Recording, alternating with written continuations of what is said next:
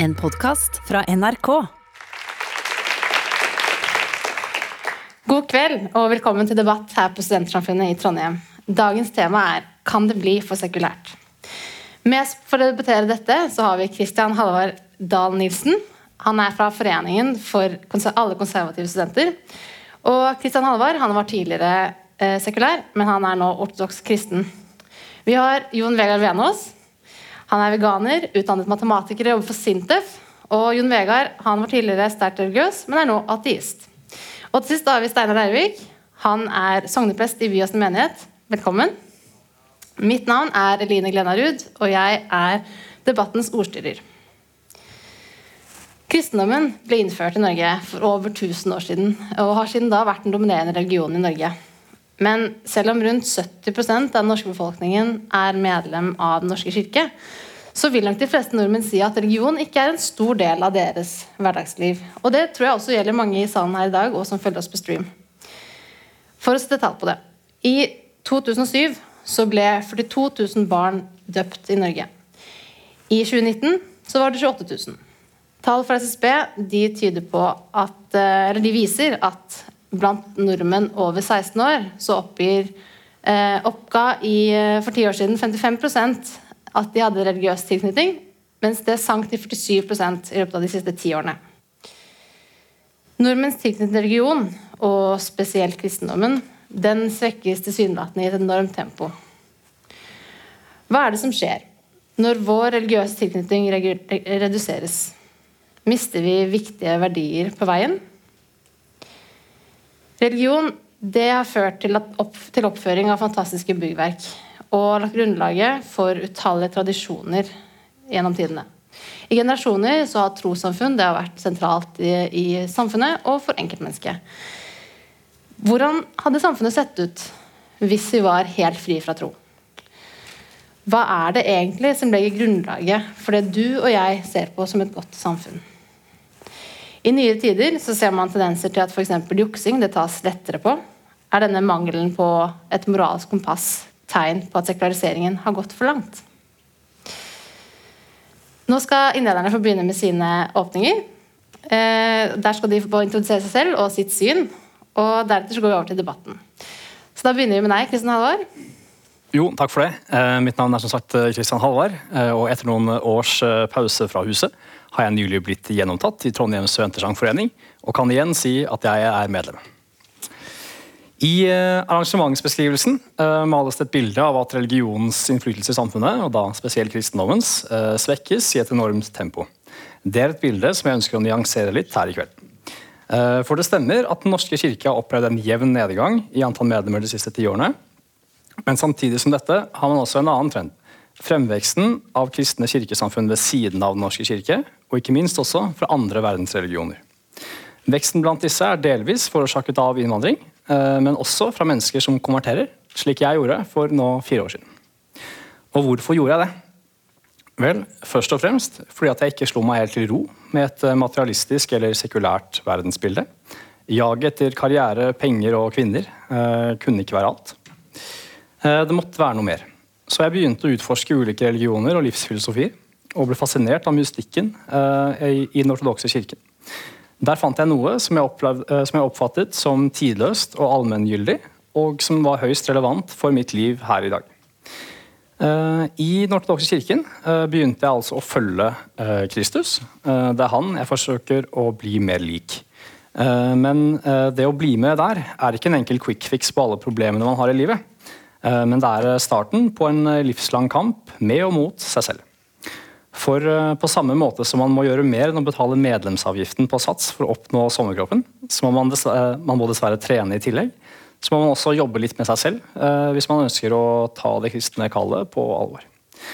Um, det er heller ikke meningen at mennesker skal forstå alt i religionen. Jeg, jeg, opplever ikke lenger det sånn at jeg må forklare alt, ha et svar på alt. og sånn. Uh, det er noe av mystikken som jeg liksom lar meg fascinere av. og uh, faller enda større i, uh, i blir, blir, enda mer glad i da, for hver dag som går. Så det var en liten introduksjon til meg og mitt valg. Um, og jeg gleder meg veldig til å diskutere det videre med dere i kveld. Takk. Da kan vi ta Jon Vegards innledning. Ja.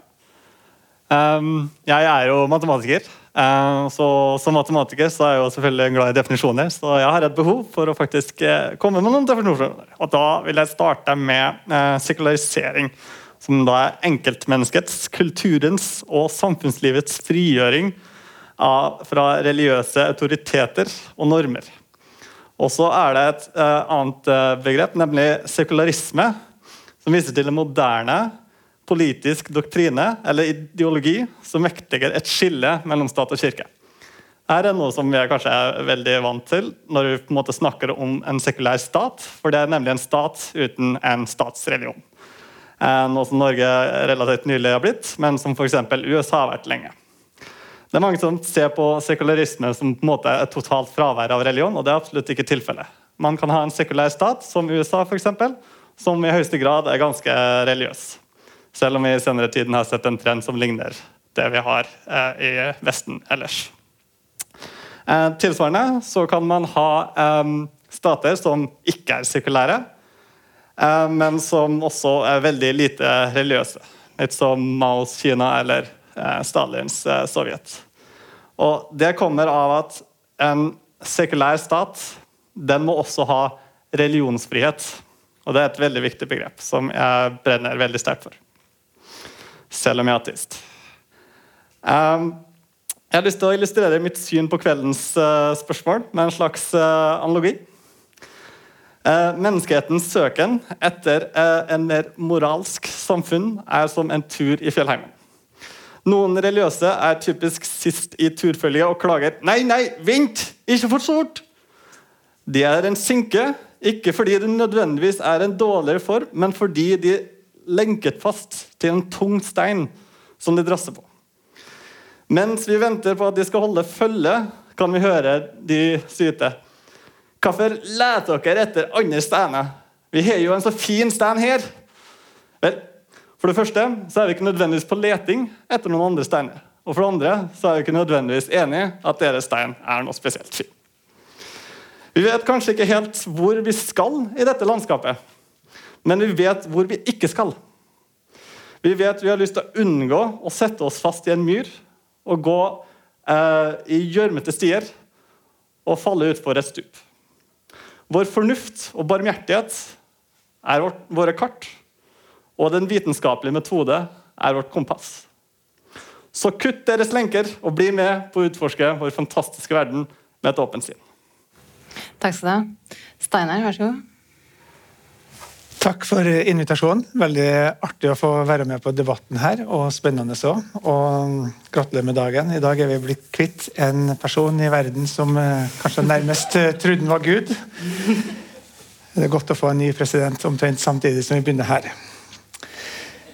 Mitt arbeid handler om religion, og er mer kanskje praktiker enn eh, teoretiker. Ofte så handler det om de store merkedagene i livet så langt i år bare så har jeg hatt eh, sju gravferder. Det er meningsfylt. Og selv om vi i de fleste samtalene der vi forbereder begravelse, ikke snakker så mye om religion, så opplever jeg at trua og den religiøse dimensjonen er med og gir ei god ramme om en avskjed. Også det handler om tradisjoner, tru og tilhørighet og en verdig avskjed. Og for den enkelte så opplever jeg at trua ikke nødvendigvis er bort fra folk. Men det kanskje handler om noe annet, en annen måte å snakke om det på. Om undring, åpning for at det er noe mer, enn akkurat en sånn bevisst tradisjonell kristen tro og tilhørighet til Den norske kirke og lutherske lære. Og Som prest så ser jeg det som min oppgave å lede og bidra til å få en seremoni med verdighet når det er gravferd. Finne gode ord i en minnetale. Men så har jeg også en prestens tale, en andakt, som jeg ønsker skal passe til seremonien og det mennesket som vi tar avskjed med. Og så er det viktig for meg å ikke misbruke anledningen når jeg får et publikum og får eh, en menighet, får tilhørere til religiøse overgrep, men heller prøve å finne en balanse og en ydmykhet for det livet som er over, de pårørende, fellesskapet som vi har når vi tar avskjed, og at det er en rolle som kirkelig seremonileder. sekularisering i samfunnet handler vel både om et personlig plan og det samfunnsmessige. Og Kanskje er det i samfunnet at endringene er størst og mest synlige. Som nevnt så er det mange tall som går nedover for Den norske kirke, særlig dåpstall. Det kan handle om mindre religiøsitet, men det kan også handle, handle om en forsinkelse i forhold til at religionsfriheten faktisk er blitt reell at eh, nå føler man seg fri til å ta det valget mer selvstendig enn en gjorde tidligere, der det var mye mer forventninger og, og tradisjoner. Kristian uh, problematiserer er det blitt mer sekularisme. Jeg har en god kollega som uh, jobber mye med religionsteolog, og hun syns jo at innvandringa i Norge er en gave til det norske samfunnet. Vi får eh, nye landsmenn som har et helt annet forhold til religion. Kanskje mer eh, hverdagsreligiøsitet og mer synlig religiøsitet. Og Hun tenker at det er bra for oss. Vi kan få en større bevissthet og kanskje også en større eh, frimodighet i forhold til hva vi sjøl ønsker å stå for. Til slutt, jeg mener at vi blir mer fattige uten religion. Som enkeltmennesker og som samfunn. Jeg tror det kan gjøre oss mer sjølopptatt, mer nådeløse. Vi trenger noe som favner hele oss. Noe som vi ikke forstår, men kan hvile i. I en tid der vi møter veldig mange krav, er det godt å ha et sted der vi møter en ubetinga kjærlighet og får nye sjanser. Derfor mener jeg at religion er viktig. Takk skal du ha. Jeg ønsker at vi begynner å snakke om religion og ideologi i et samfunnsperspektiv. Eh, og da vil jeg egentlig åpne med å spørre dere om eh, Jeg begynner med deg, Kristian Halvard. Eh, hva som ligger i et godt samfunn, og hva som er et godt samfunn for deg? Hmm. Et godt samfunn for meg er vel et samfunn der hvor alle medlemmene av samfunnet kan få lov til å følge sine overbevisninger. Og um, spesielt i denne konteksten her, da, så, så, ønsker jeg jo at mennesker skal følge sine religiøse overbevisninger.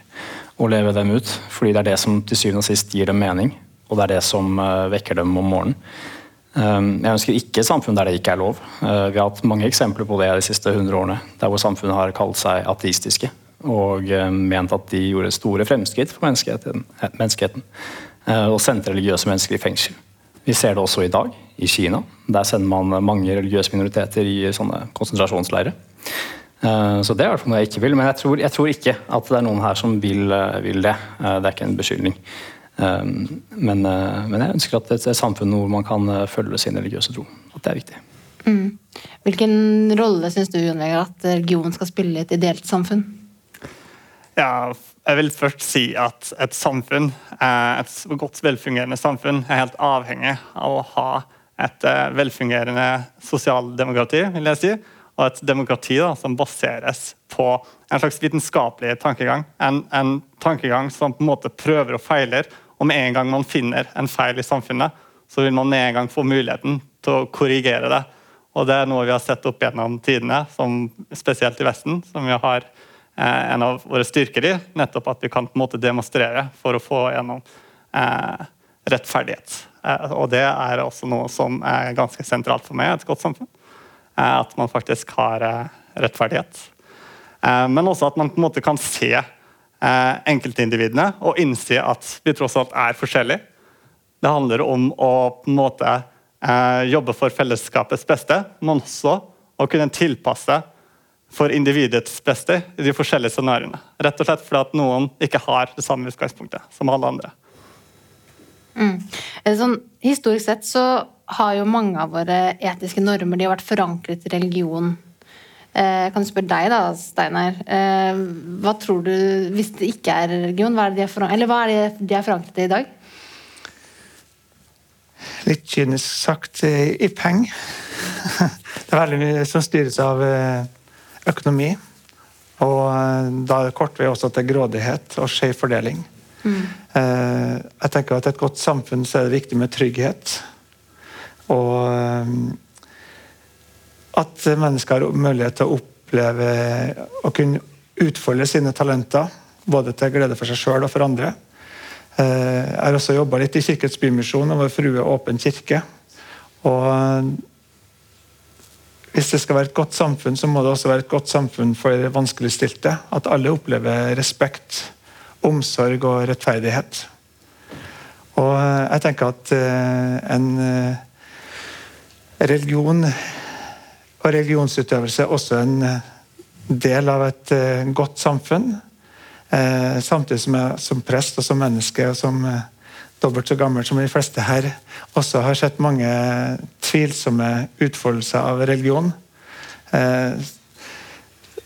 Blant annet i det landet som har skifta president i dag, så er det jo mange ganger at jeg tenker Kanskje hadde verden vært et bedre sted uten religion. Men eh, ja, Det er kanskje ikke noe sjokk å si at jeg har ikke landa på det ennå. Men personlig så er jeg glad for at jeg har ei tro. Og Jeg tror det er viktig å ha et samfunn med rom for tro, håp og kjærlighet. Hvordan står en kristne verdier seg i samfunnet i dag? Som prest så møter jeg jo mennesker som eh, oppsøker kirka. Eh, og i den settingen så opplever jeg at i hvert fall i trøndersk kontekst, da, så er mange ganske sånn forlegen i forhold til å snakke om tro. Eh, men eh, trua på trøndersk den er ofte viktigere gjort enn sagt. Sånn at jeg føler at det tyter ut likevel, at folk har ei tro. Eh, men at det får litt sånn forsiktige uttrykk. Og kanskje er det når vi møtes eh, på tomannshånd først, at det, virkelig blir satt ord på. Men eh, eh som jeg sa i innledninga, så er det kanskje mer sånn at det handler om eh, en åpenhet for undring, mer enn at jeg sier at jeg er et kristent menneske eller et religiøst menneske. Så opplever jeg f.eks. ved begravelser, der eh, når jeg begynte som prest for uh, forferdelig lenge siden, uh, så var det nesten aldri å snakke om det som skjer etterpå. Men nå føler jeg at nesten alle pårørende som også har en minnetale ved kiste, snakker om at vi ses igjen. Så selv om en kanskje ikke definerer seg som kristen, så har en en tro om noe mer og større. Så det, så det er litt sånn rart. Det, det, er en sekularisering, men samtidig så er det mye religiøsitet. da. Så, og jeg syns det er artig med Jon Vegard, for han er jo den mest troende av alle her. Han har en fantastisk tillit til vitenskapen. og en, Han er en fanatisk tro på vitenskapen, og det er jo godt å høre. da. Kristian mm. Halvor, du ville svare? Jeg vil gjerne legge til at uh, i dag da, så mener jeg at vi lever på ettergløden av våre forfedres tro. Uh, Norge har tross alt vært kristent i omtrent 1000 eh, år, og har da naturligvis formet veldig mye av våre tenkemåter og tanker om rettferdighet osv. Da kristendommen ble innført, så mener jeg at det var en enorm forbedring for menneskers livsvilkår. Vi fikk f.eks. en rettsstat der alle mennesker ble like for loven, som baserer seg i at alle mennesker er like i Guds øyne. Det var ikke sånn det var før det. Da var det var den sterkestes rett, og du kunne gjøre det du ville hvis du hadde makt og penger til det. Uh, så det er en forbedring. Uh, vi har også hatt forbedring for um, f.eks. kvinner og barn, senest for 100 år siden. Da innførte man lover Kristne mennesker innførte lover for å beskytte da omsorgsretten for barn. Altså dersom, dersom en kvinne fikk barn utenom ekteskap, så fikk da denne, dette barnet retten til å arve både etternavn og penger av mannen. og Det var heller ikke en selvfølge. Det, det, er på en måte ting som er forankret i uh, det at vi har en kristen familie, og som også er grunnlaget for hele velferdsstaten. Um, så de Sosialdemokratene uh, de oppsto ikke i et vakuum, de oppsto i kristne uh, samfunn. Og jeg tror ikke at de hadde hatt like mye gehør i andre samfunn. Mm. Ja, jeg vil svare litt på Steinar her, fordi uh, det er um, en, et, en, påstand om at vi mister så mye uh, hvis det, vi får et større fravær av uh, religion. Og, og, jeg mener at det er veldig mye med religion vi gjerne kan fortsette å ta vare på. Det er veldig mye av religiøse tradisjoner og kristne tradisjoner som til og med jeg er veldig glad i. Jeg har jo, som det kanskje har blitt nevnt uh, flere ganger her, uh, en veldig sterk religiøs oppvekst, og det har jo selvfølgelig forma meg. Uh, og det er mange av verdiene som jeg på en måte vokste opp med, som jeg setter pris på den dag i dag. Jeg vikarierte faktisk som organist et par ganger ved noen gudstjenester, og den opplevelsen av å kunne spille på et så magisk instrument som et orgel, det er noe som nærmest er religiøst for meg, kan man kanskje si. Eh, jeg fikk også muligheten til å spille på Nidarosdomens orgel, og det, det, er en helt fantastisk opplevelse. Jeg ser ingen grunn til at vi som ateister skal miste en sånn type verdi. Og det er mange andre eh, verdier eh, som man eh, har fra kristendommen, som jeg gjerne kan innrømme, eh, som jeg ser på som veldig positive. Eh, men det er selvfølgelig også mange andre verdier som jeg ikke er så fan av. Og Poenget mitt er at jeg er helt fri til å kunne velge de verdiene som jeg setter pris på, og heller se bort fra de verdiene som jeg ikke lenger syns gir mening. Og For å svare også på poenget ditt om at jeg liksom har den sterkeste troen her. Her kommer det norske språket litt kort. vil jeg si. For På engelsk så snakker man om eh, belief og faith. Det er to, en distinksjon som vi egentlig ikke har så tydelig på norske språket. Så faith is belief without evidence. Så, det sier. så jeg, har, jeg har mye tro som i, ikke blind tro, hvis jeg skal oversette faith til blind tro, men jeg har en tro på vitenskapen fordi at den faktisk fungerer. Vi har mye evidens for at vitenskapen fungerer. Alt skulle tilsi at det er den riktige veien å gå for å oppnå kunnskap. Og Kanskje ikke bare kunnskap om det naturvitenskapelige, men kanskje også om det moralske. Hvis man på en måte bruker samme tankemønster. Eh, blind tro, derimot, om å på en måte tro på det overnaturlige, det som vi på en måte ikke har noe evidens for, det er noe som jeg har ikke så mye til overs for. Um, jeg ser ikke noe stort tap av å miste det. På den annen side så kan jeg se at det kan være et stort tap for andre. Og Av den grunn så uh, er det veldig viktig for meg å ikke nødvendigvis påstå at vi må få et helt irreligiøst samfunn her og nå. Det kan være en gradvis prosess som jeg ser for meg kan ta mange hundre år. Og når du kommer dit, så tror jeg det vil faktisk være det beste. Men jeg har ikke noe spesielt behov for at du faktisk lever en verden uten religion.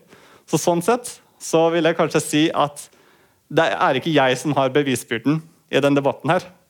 Det er heller mine opponenter som påstår at vi ikke vil få et bedre samfunn uten religion. For jeg kan fint leve med religion, men det tror jeg er litt vanskelig for de andre. Jeg har lyst til å gå litt videre til en annen bolk her på Studentsamfunnet i Trondheim. Og da vil jeg snakke om nettopp det med sekularisering. Eh, og jeg vil spørre, begynne å spørre deg, Kristian Halvard, hva du tenker at vi mister eh, når, vi mer, når, samfunnet blir mer sekularisert? Det kan være ganske mye. Um, jeg tror vi mister en felles eh, forståelse av hvem vi er, da, først og fremst. Um, som, jeg, som, jeg, tror kan være forvirrende. Um, I takt med det vi nå snakker om som sekularisering, så er det jo ikke sånn at ting bare blir bedre og bedre. Um, tvert imot. Uh, vi opplever problemer som ensomhet, som øker stort. Um, depresjon, selvmord, av mange av disse tingene. Psykisk helse, liksom, alle disse problemene her. Studenter kjenner dem veldig godt. Um, de er på vei oppover, uh, til tross for at vi liksom blir mindre kristne. Og det er ikke ting som det sekulære har noe gode svar på. Altså Man kan, man kan gå til legeverden, som er en vitenskapelig selvfølgelig fundert uh, gren. Men er løsningen å bruke piller og dope seg ned og sånn? Nei, jeg mener ikke det. Jeg mener at svarene uh, finnes i religion. Vi har hatt den kristne religionen i 2000 år. Den har gitt mening. Den har holdt seg i live i 2000 år. Det er verdens største religion. Eh, den er det for en grunn. Det er det fordi den er sann. Den, den gir svar til veldig dype menneskelige, eksistensielle spørsmål. Mm. Hvilke virkninger, vir, virkninger har skillet mellom stat og kirke fått, tror du, Steiner? Foreløpig er det kanskje ikke så veldig store forskjeller, men eh, det er jo gitt en eh, større bevissthet om hva kirke og religion faktisk skal være. Jeg tenker at det er bra da, med et skille mellom stat og, og kirke. Eh, at det var, sånn, det var, noen kunstige krykker for eh, Den norske kirke med den tilhørigheten til staten.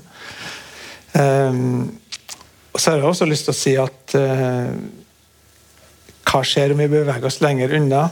Eh, religiøs tilknytning, så tenker jeg at eh, noe av det som skjer, er bra. Eh, for religion har også blitt brukt og misbrukt til å undertrykke mennesker. Enkelte mennesker har fått for mye makt. Det har vært mennesker som har på en måte stått for det motsatte av det som Jon Vegard litt karikert står for her, med vitenskap, som har vært på en måte de har tilranna seg en plass bare pga. Eh, religionens navn, mens eh, det har vært ganske sånn tynt eh, både når det gjelder utdanning og ja, hva skal jeg si, kompetanse.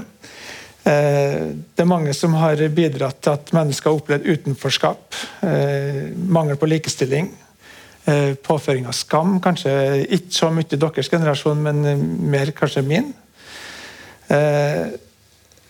Og det har også gjort at mennesker har hatt et vrangbilde i forhold til skapverket og mis, ja, mishandla kloden vi, har stå, stå, vi, vi, vi, lever på. ved at den har trodd at den er så unik når den er skapt i Guds bilde at den kan gjøre hva som helst. Og det har nok eh, gjort at vi har eh, forbrukt mer enn vi har eh, tatt vare på skaperverket. Så det har vært veldig negativt. Og når jeg møter mennesker som f.eks. Jon Vegard, som sier at de er ateist eller ikke tror, så opplevde jeg ikke sånn med deg, Jon Vegard, men veldig mange forteller såre historier om dårlige møter med kristne eller andre religiøse mennesker og dårlige erfaringer. Og da tenker jeg at eh, det er egentlig ikke religion i seg sjøl som, man tar avstand fra, men det er det eh, vrang, vrengebildet av det. Så det er et stort ansvar å være prest. Et stort ansvar å eh, få ordet her.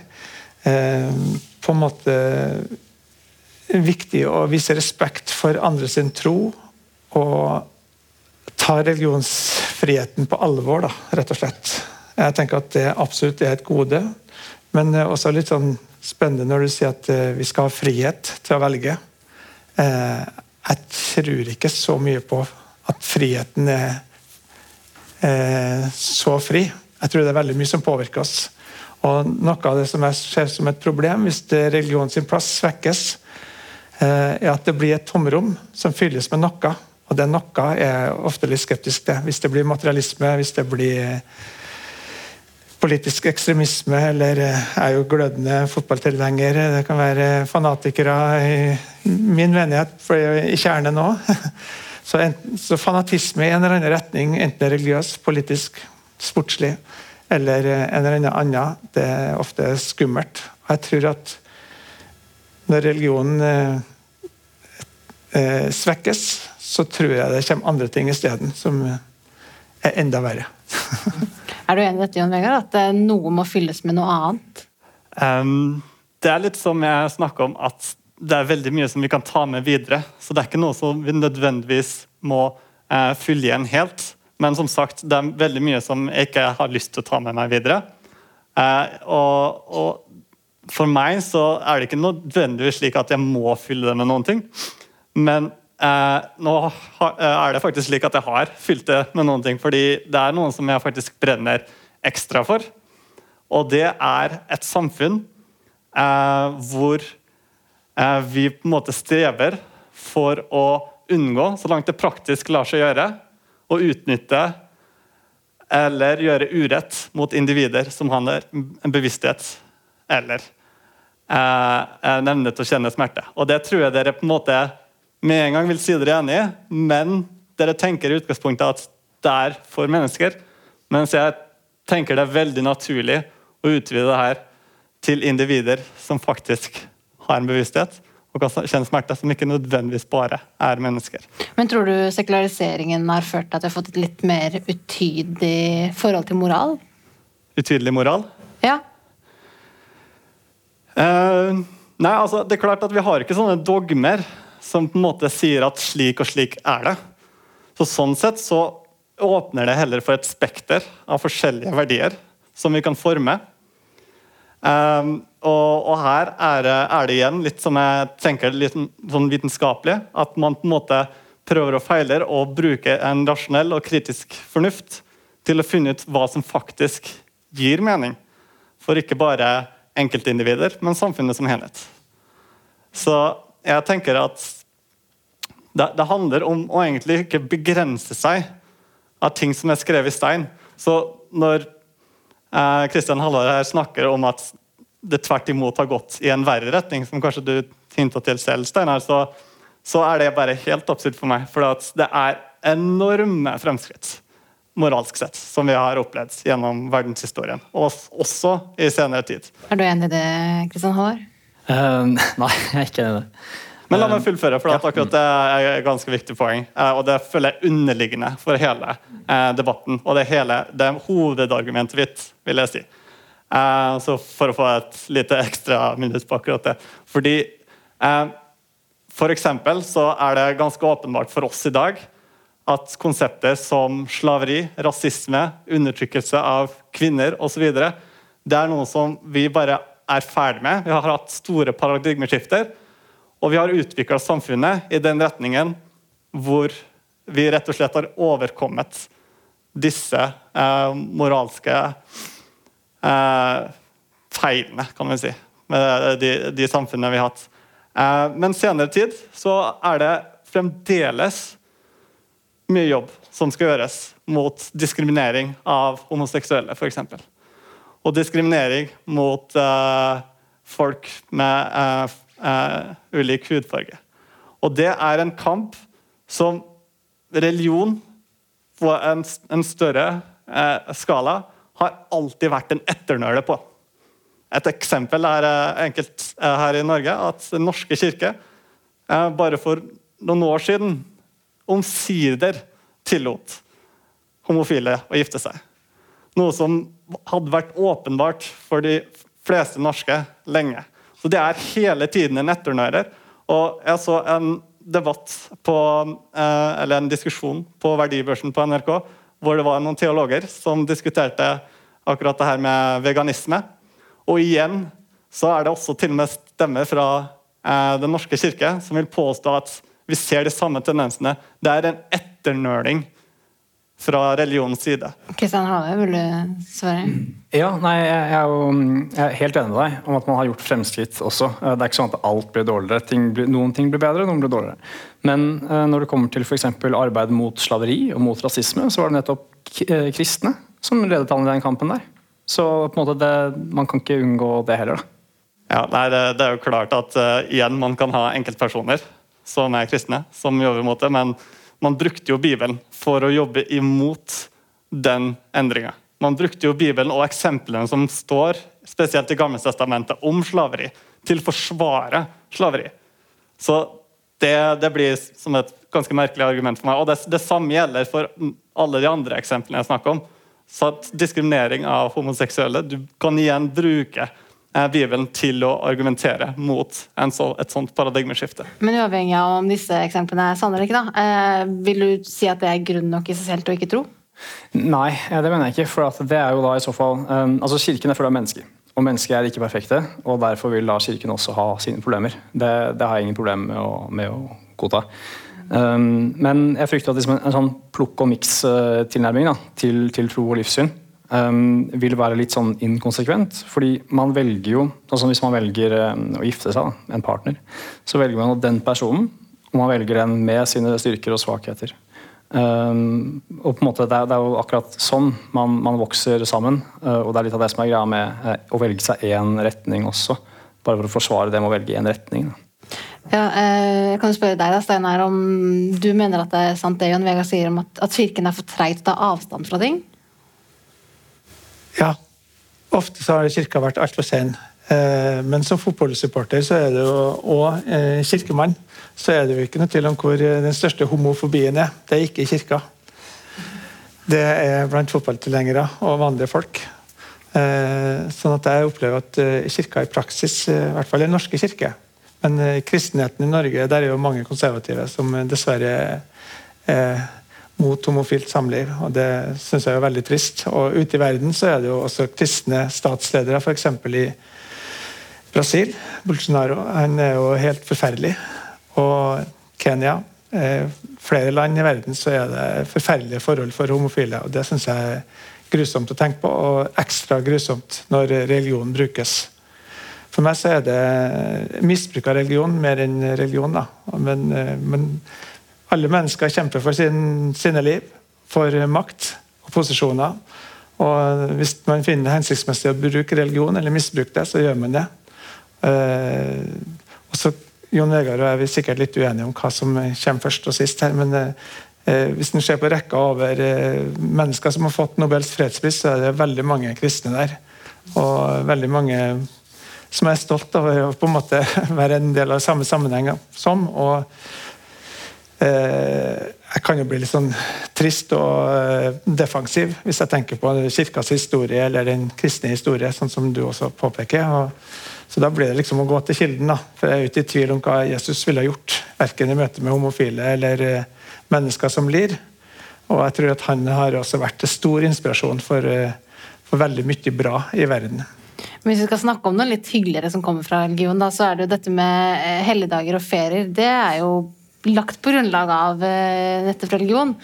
Eh, og vil du si at den norske befolkningen eh, på en måte nyter av godene uten å leve en aktiv troende livsstil?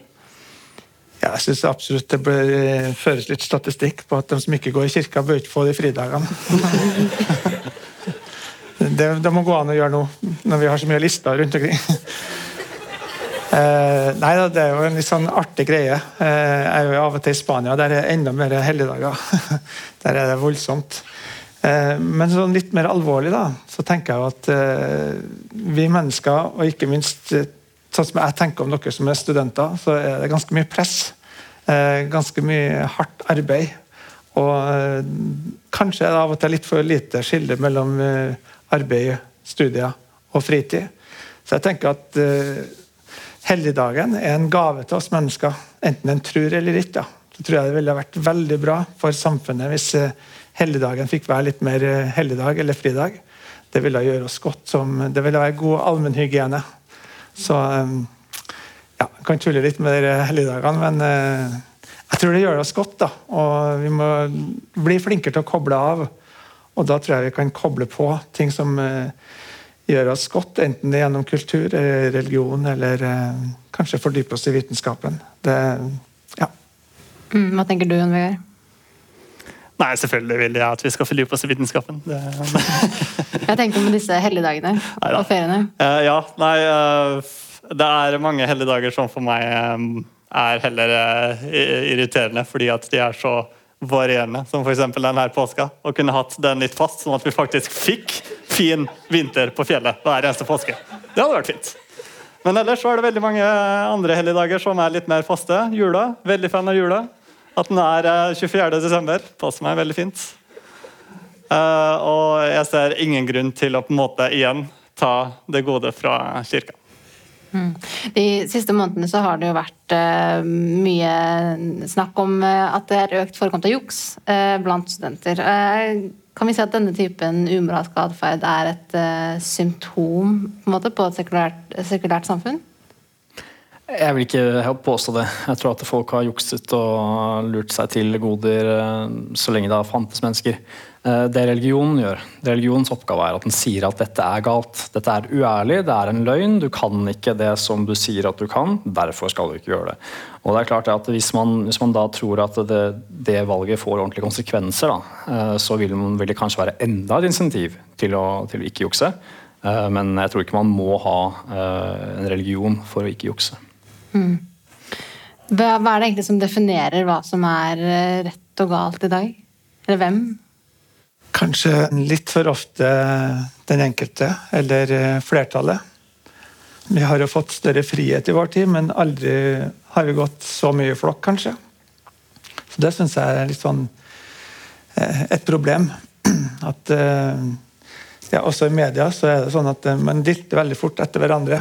Den selvstendige mening eh, og den modige stemmen som står opp mot de andre, det er egentlig blitt ganske sjelden. Hvem er den offentlige debatten som tør å stå for noe eh, selvstendig? Eh, nå var ikke jeg noen fan av Børre Knutsen og det han sto for, men all respekt for et menneske som så djervt gikk på tvers av alt annet. da. Så i Gamle testamentet så, unnskyld, står det jo om en del sånn domsprofeter. De eh, refsa folket. Og kanskje hadde vært ålreit med litt mer eh, refs i dag òg, når eh, ting sklir ut. Enten i forhold til dyrs velferd og respekt for skaperverk og, og, dyr. Eller det kan være andre ting. Så jeg heier på den stemmen, sjøl om jeg også spiser kjøtt. Jeg tenker at eh, Nå går vi videre her på Studentsamfunnet i Trondheim. eh, og Nå skal vi prate litt om betydningen av religiøse bygg. Eh, for mange av de største og mest kjente byggverkene i verden i dag de er jo reist på grunnlag av religion. Eh, ville vi hatt slik arkitektur, i dag, tror du, uten tro? Jon Vegard? Eh, ikke med det utgangspunktet som de hadde, kanskje. fordi det er jo enorme ressurser eh, relativt til det eh, de hadde kapasitet til på den tiden, som faktisk krevdes for at de skulle kunne klare å bygge slike byggverk. Og så skal det jo selvfølgelig sørgelig sies at det er mye av den arbeidskraften som kanskje ikke var helt ideell i, i forhold til våre standarder. Men jeg vil også si at det er ikke nødvendigvis en, en, eh, begrensning som vi trenger å ha i dag. Det handler bare om hvor vi har lyst til å flytte fokuset. Eh, for så vil jeg si at uh, The International Space Station, altså på en måte den internasjonale romstasjonen, det er bare et underverk av et menneskeskapt byggverk som vi har, som flyter rundt vår, vår atmosfære i en helt fantastisk fart det for meg det er eh, vårt store bidrag til en lang rekke av eh, menneskeskapte underer, kan man si. Så jeg føler ikke nødvendigvis det handler om bare det materielle og måtte bygge tunge nok steiner oppå andre tunge steiner. Selv om vi kanskje også kan eh, ha eksempler på det hver dag òg. Altså store skyskrapere som Burj Khalifa osv. Selv om man kan si at det ikke akkurat vil kunne sammenlignes med Nidarosdomen. Men eh, poenget mitt er bare generelt at eh, det handler ikke om at vi egentlig har mista noen ting der. Det handler bare om hva vi prioriterer. Og så er det klart at kapitalismen setter en veldig stor begrensning på hva vi faktisk kan bygge av slike underverker.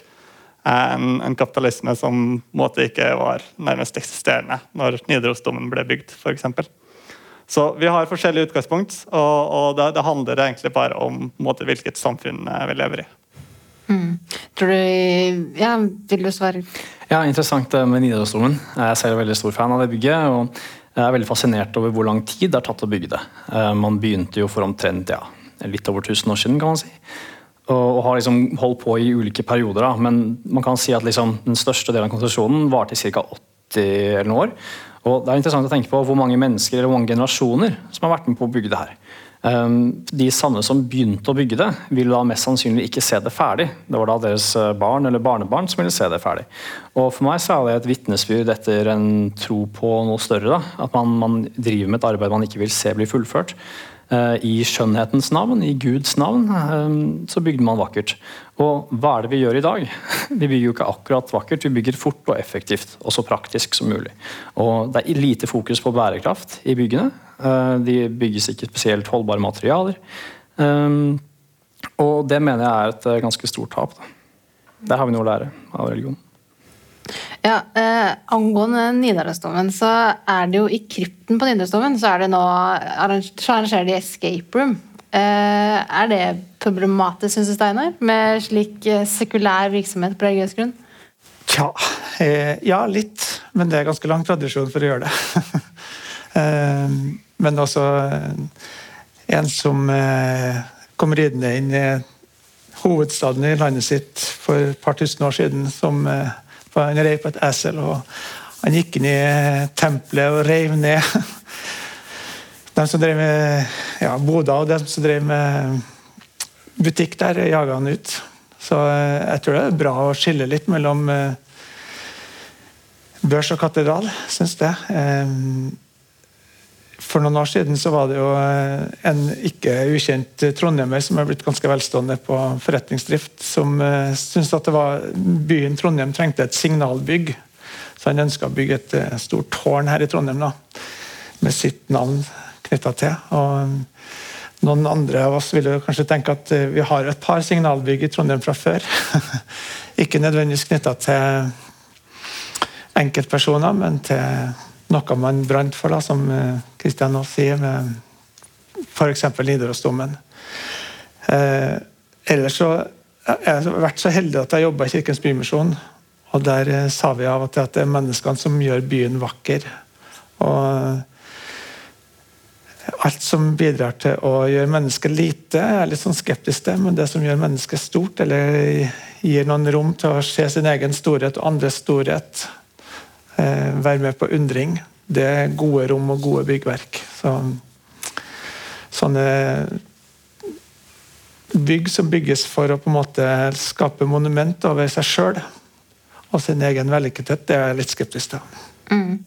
Eh, hva tenker du, Kristian Halvard? Kan religion og det sekulære forenes ved slik kommersiell virksomhet, eller bør det hellige holdes hellig?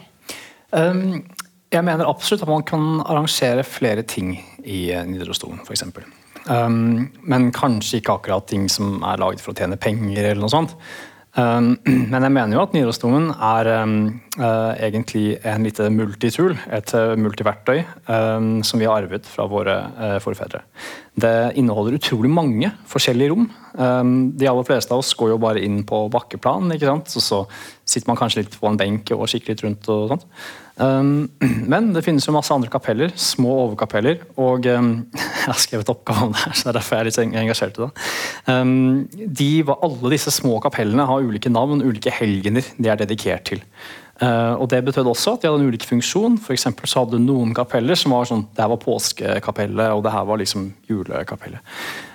Så det jeg mener man gjerne kunne gjort, som jeg tror ville forent både uh, troende og ikke-troende, hadde vært å ta litt tilbake av den arven man har derfra. Fordi disse ulike seremoniene og ritualene man hadde der, var ikke de kjedelige gudstjenestene som man ofte kan se i dag, der alle sitter på en benk og hører på en prest som står der og prater uh, fremme.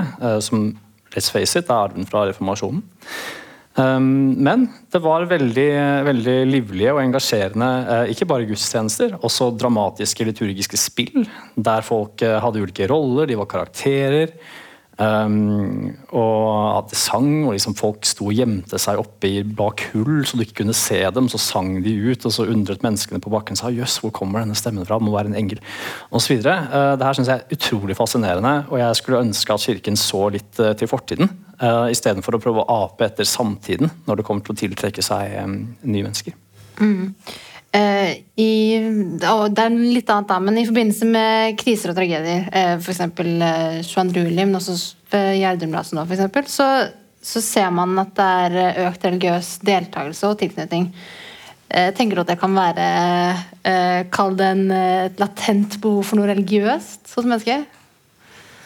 Uh, altså, det er klart, vi har jo i mange av de store tragediene vi har hatt i, i Norge i senere tid, så har Norske kirke har hatt en veldig sentral rolle for de sørgende. Og de har gjort en fantastisk jobb i å være der og kunne um, uh, være en mottakerstemme for de som trenger noen å, å snakke med.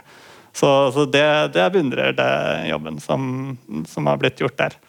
Uh, jeg ser ingen grunn til at den uh, ideelt sett ikke kan bare erstattes av sekulære organisasjoner som tar en slags psykologi rolle i en tilsvarende rolle i krisesituasjoner.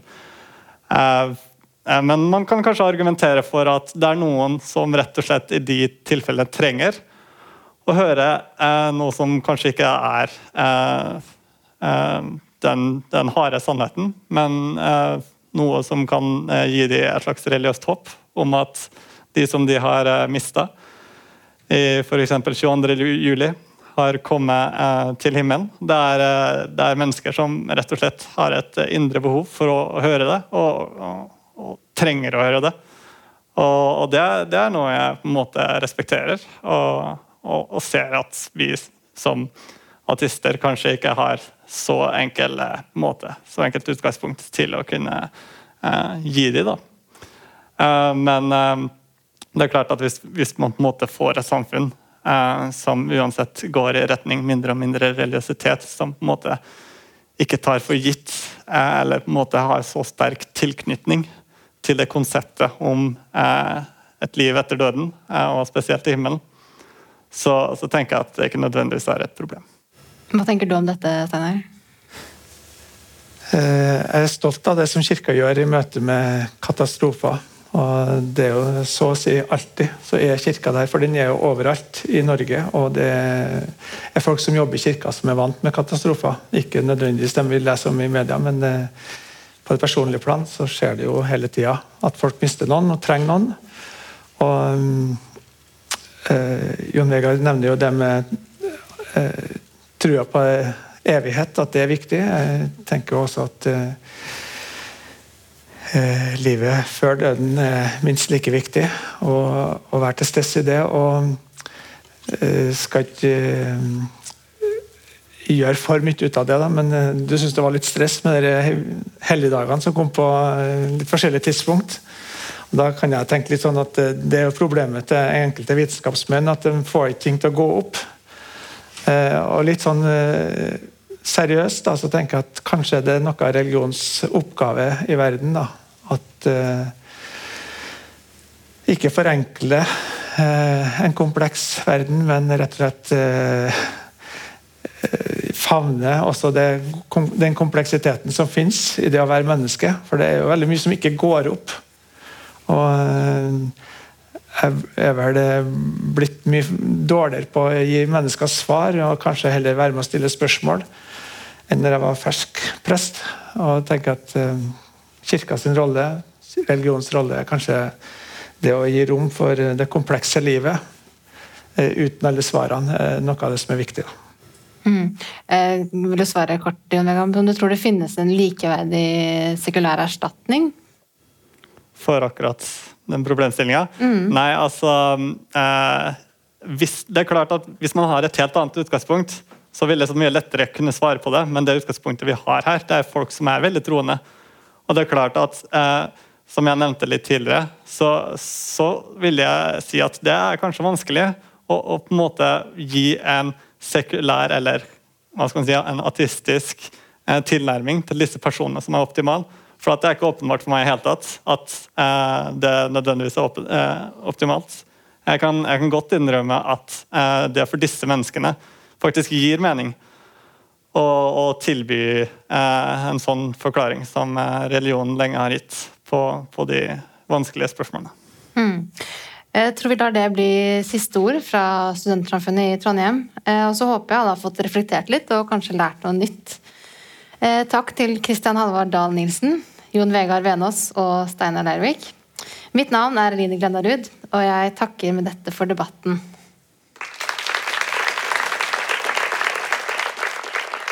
Du har hørt en podkast fra NRK. Hør flere podkaster og din favorittkanal i appen NRK Radio.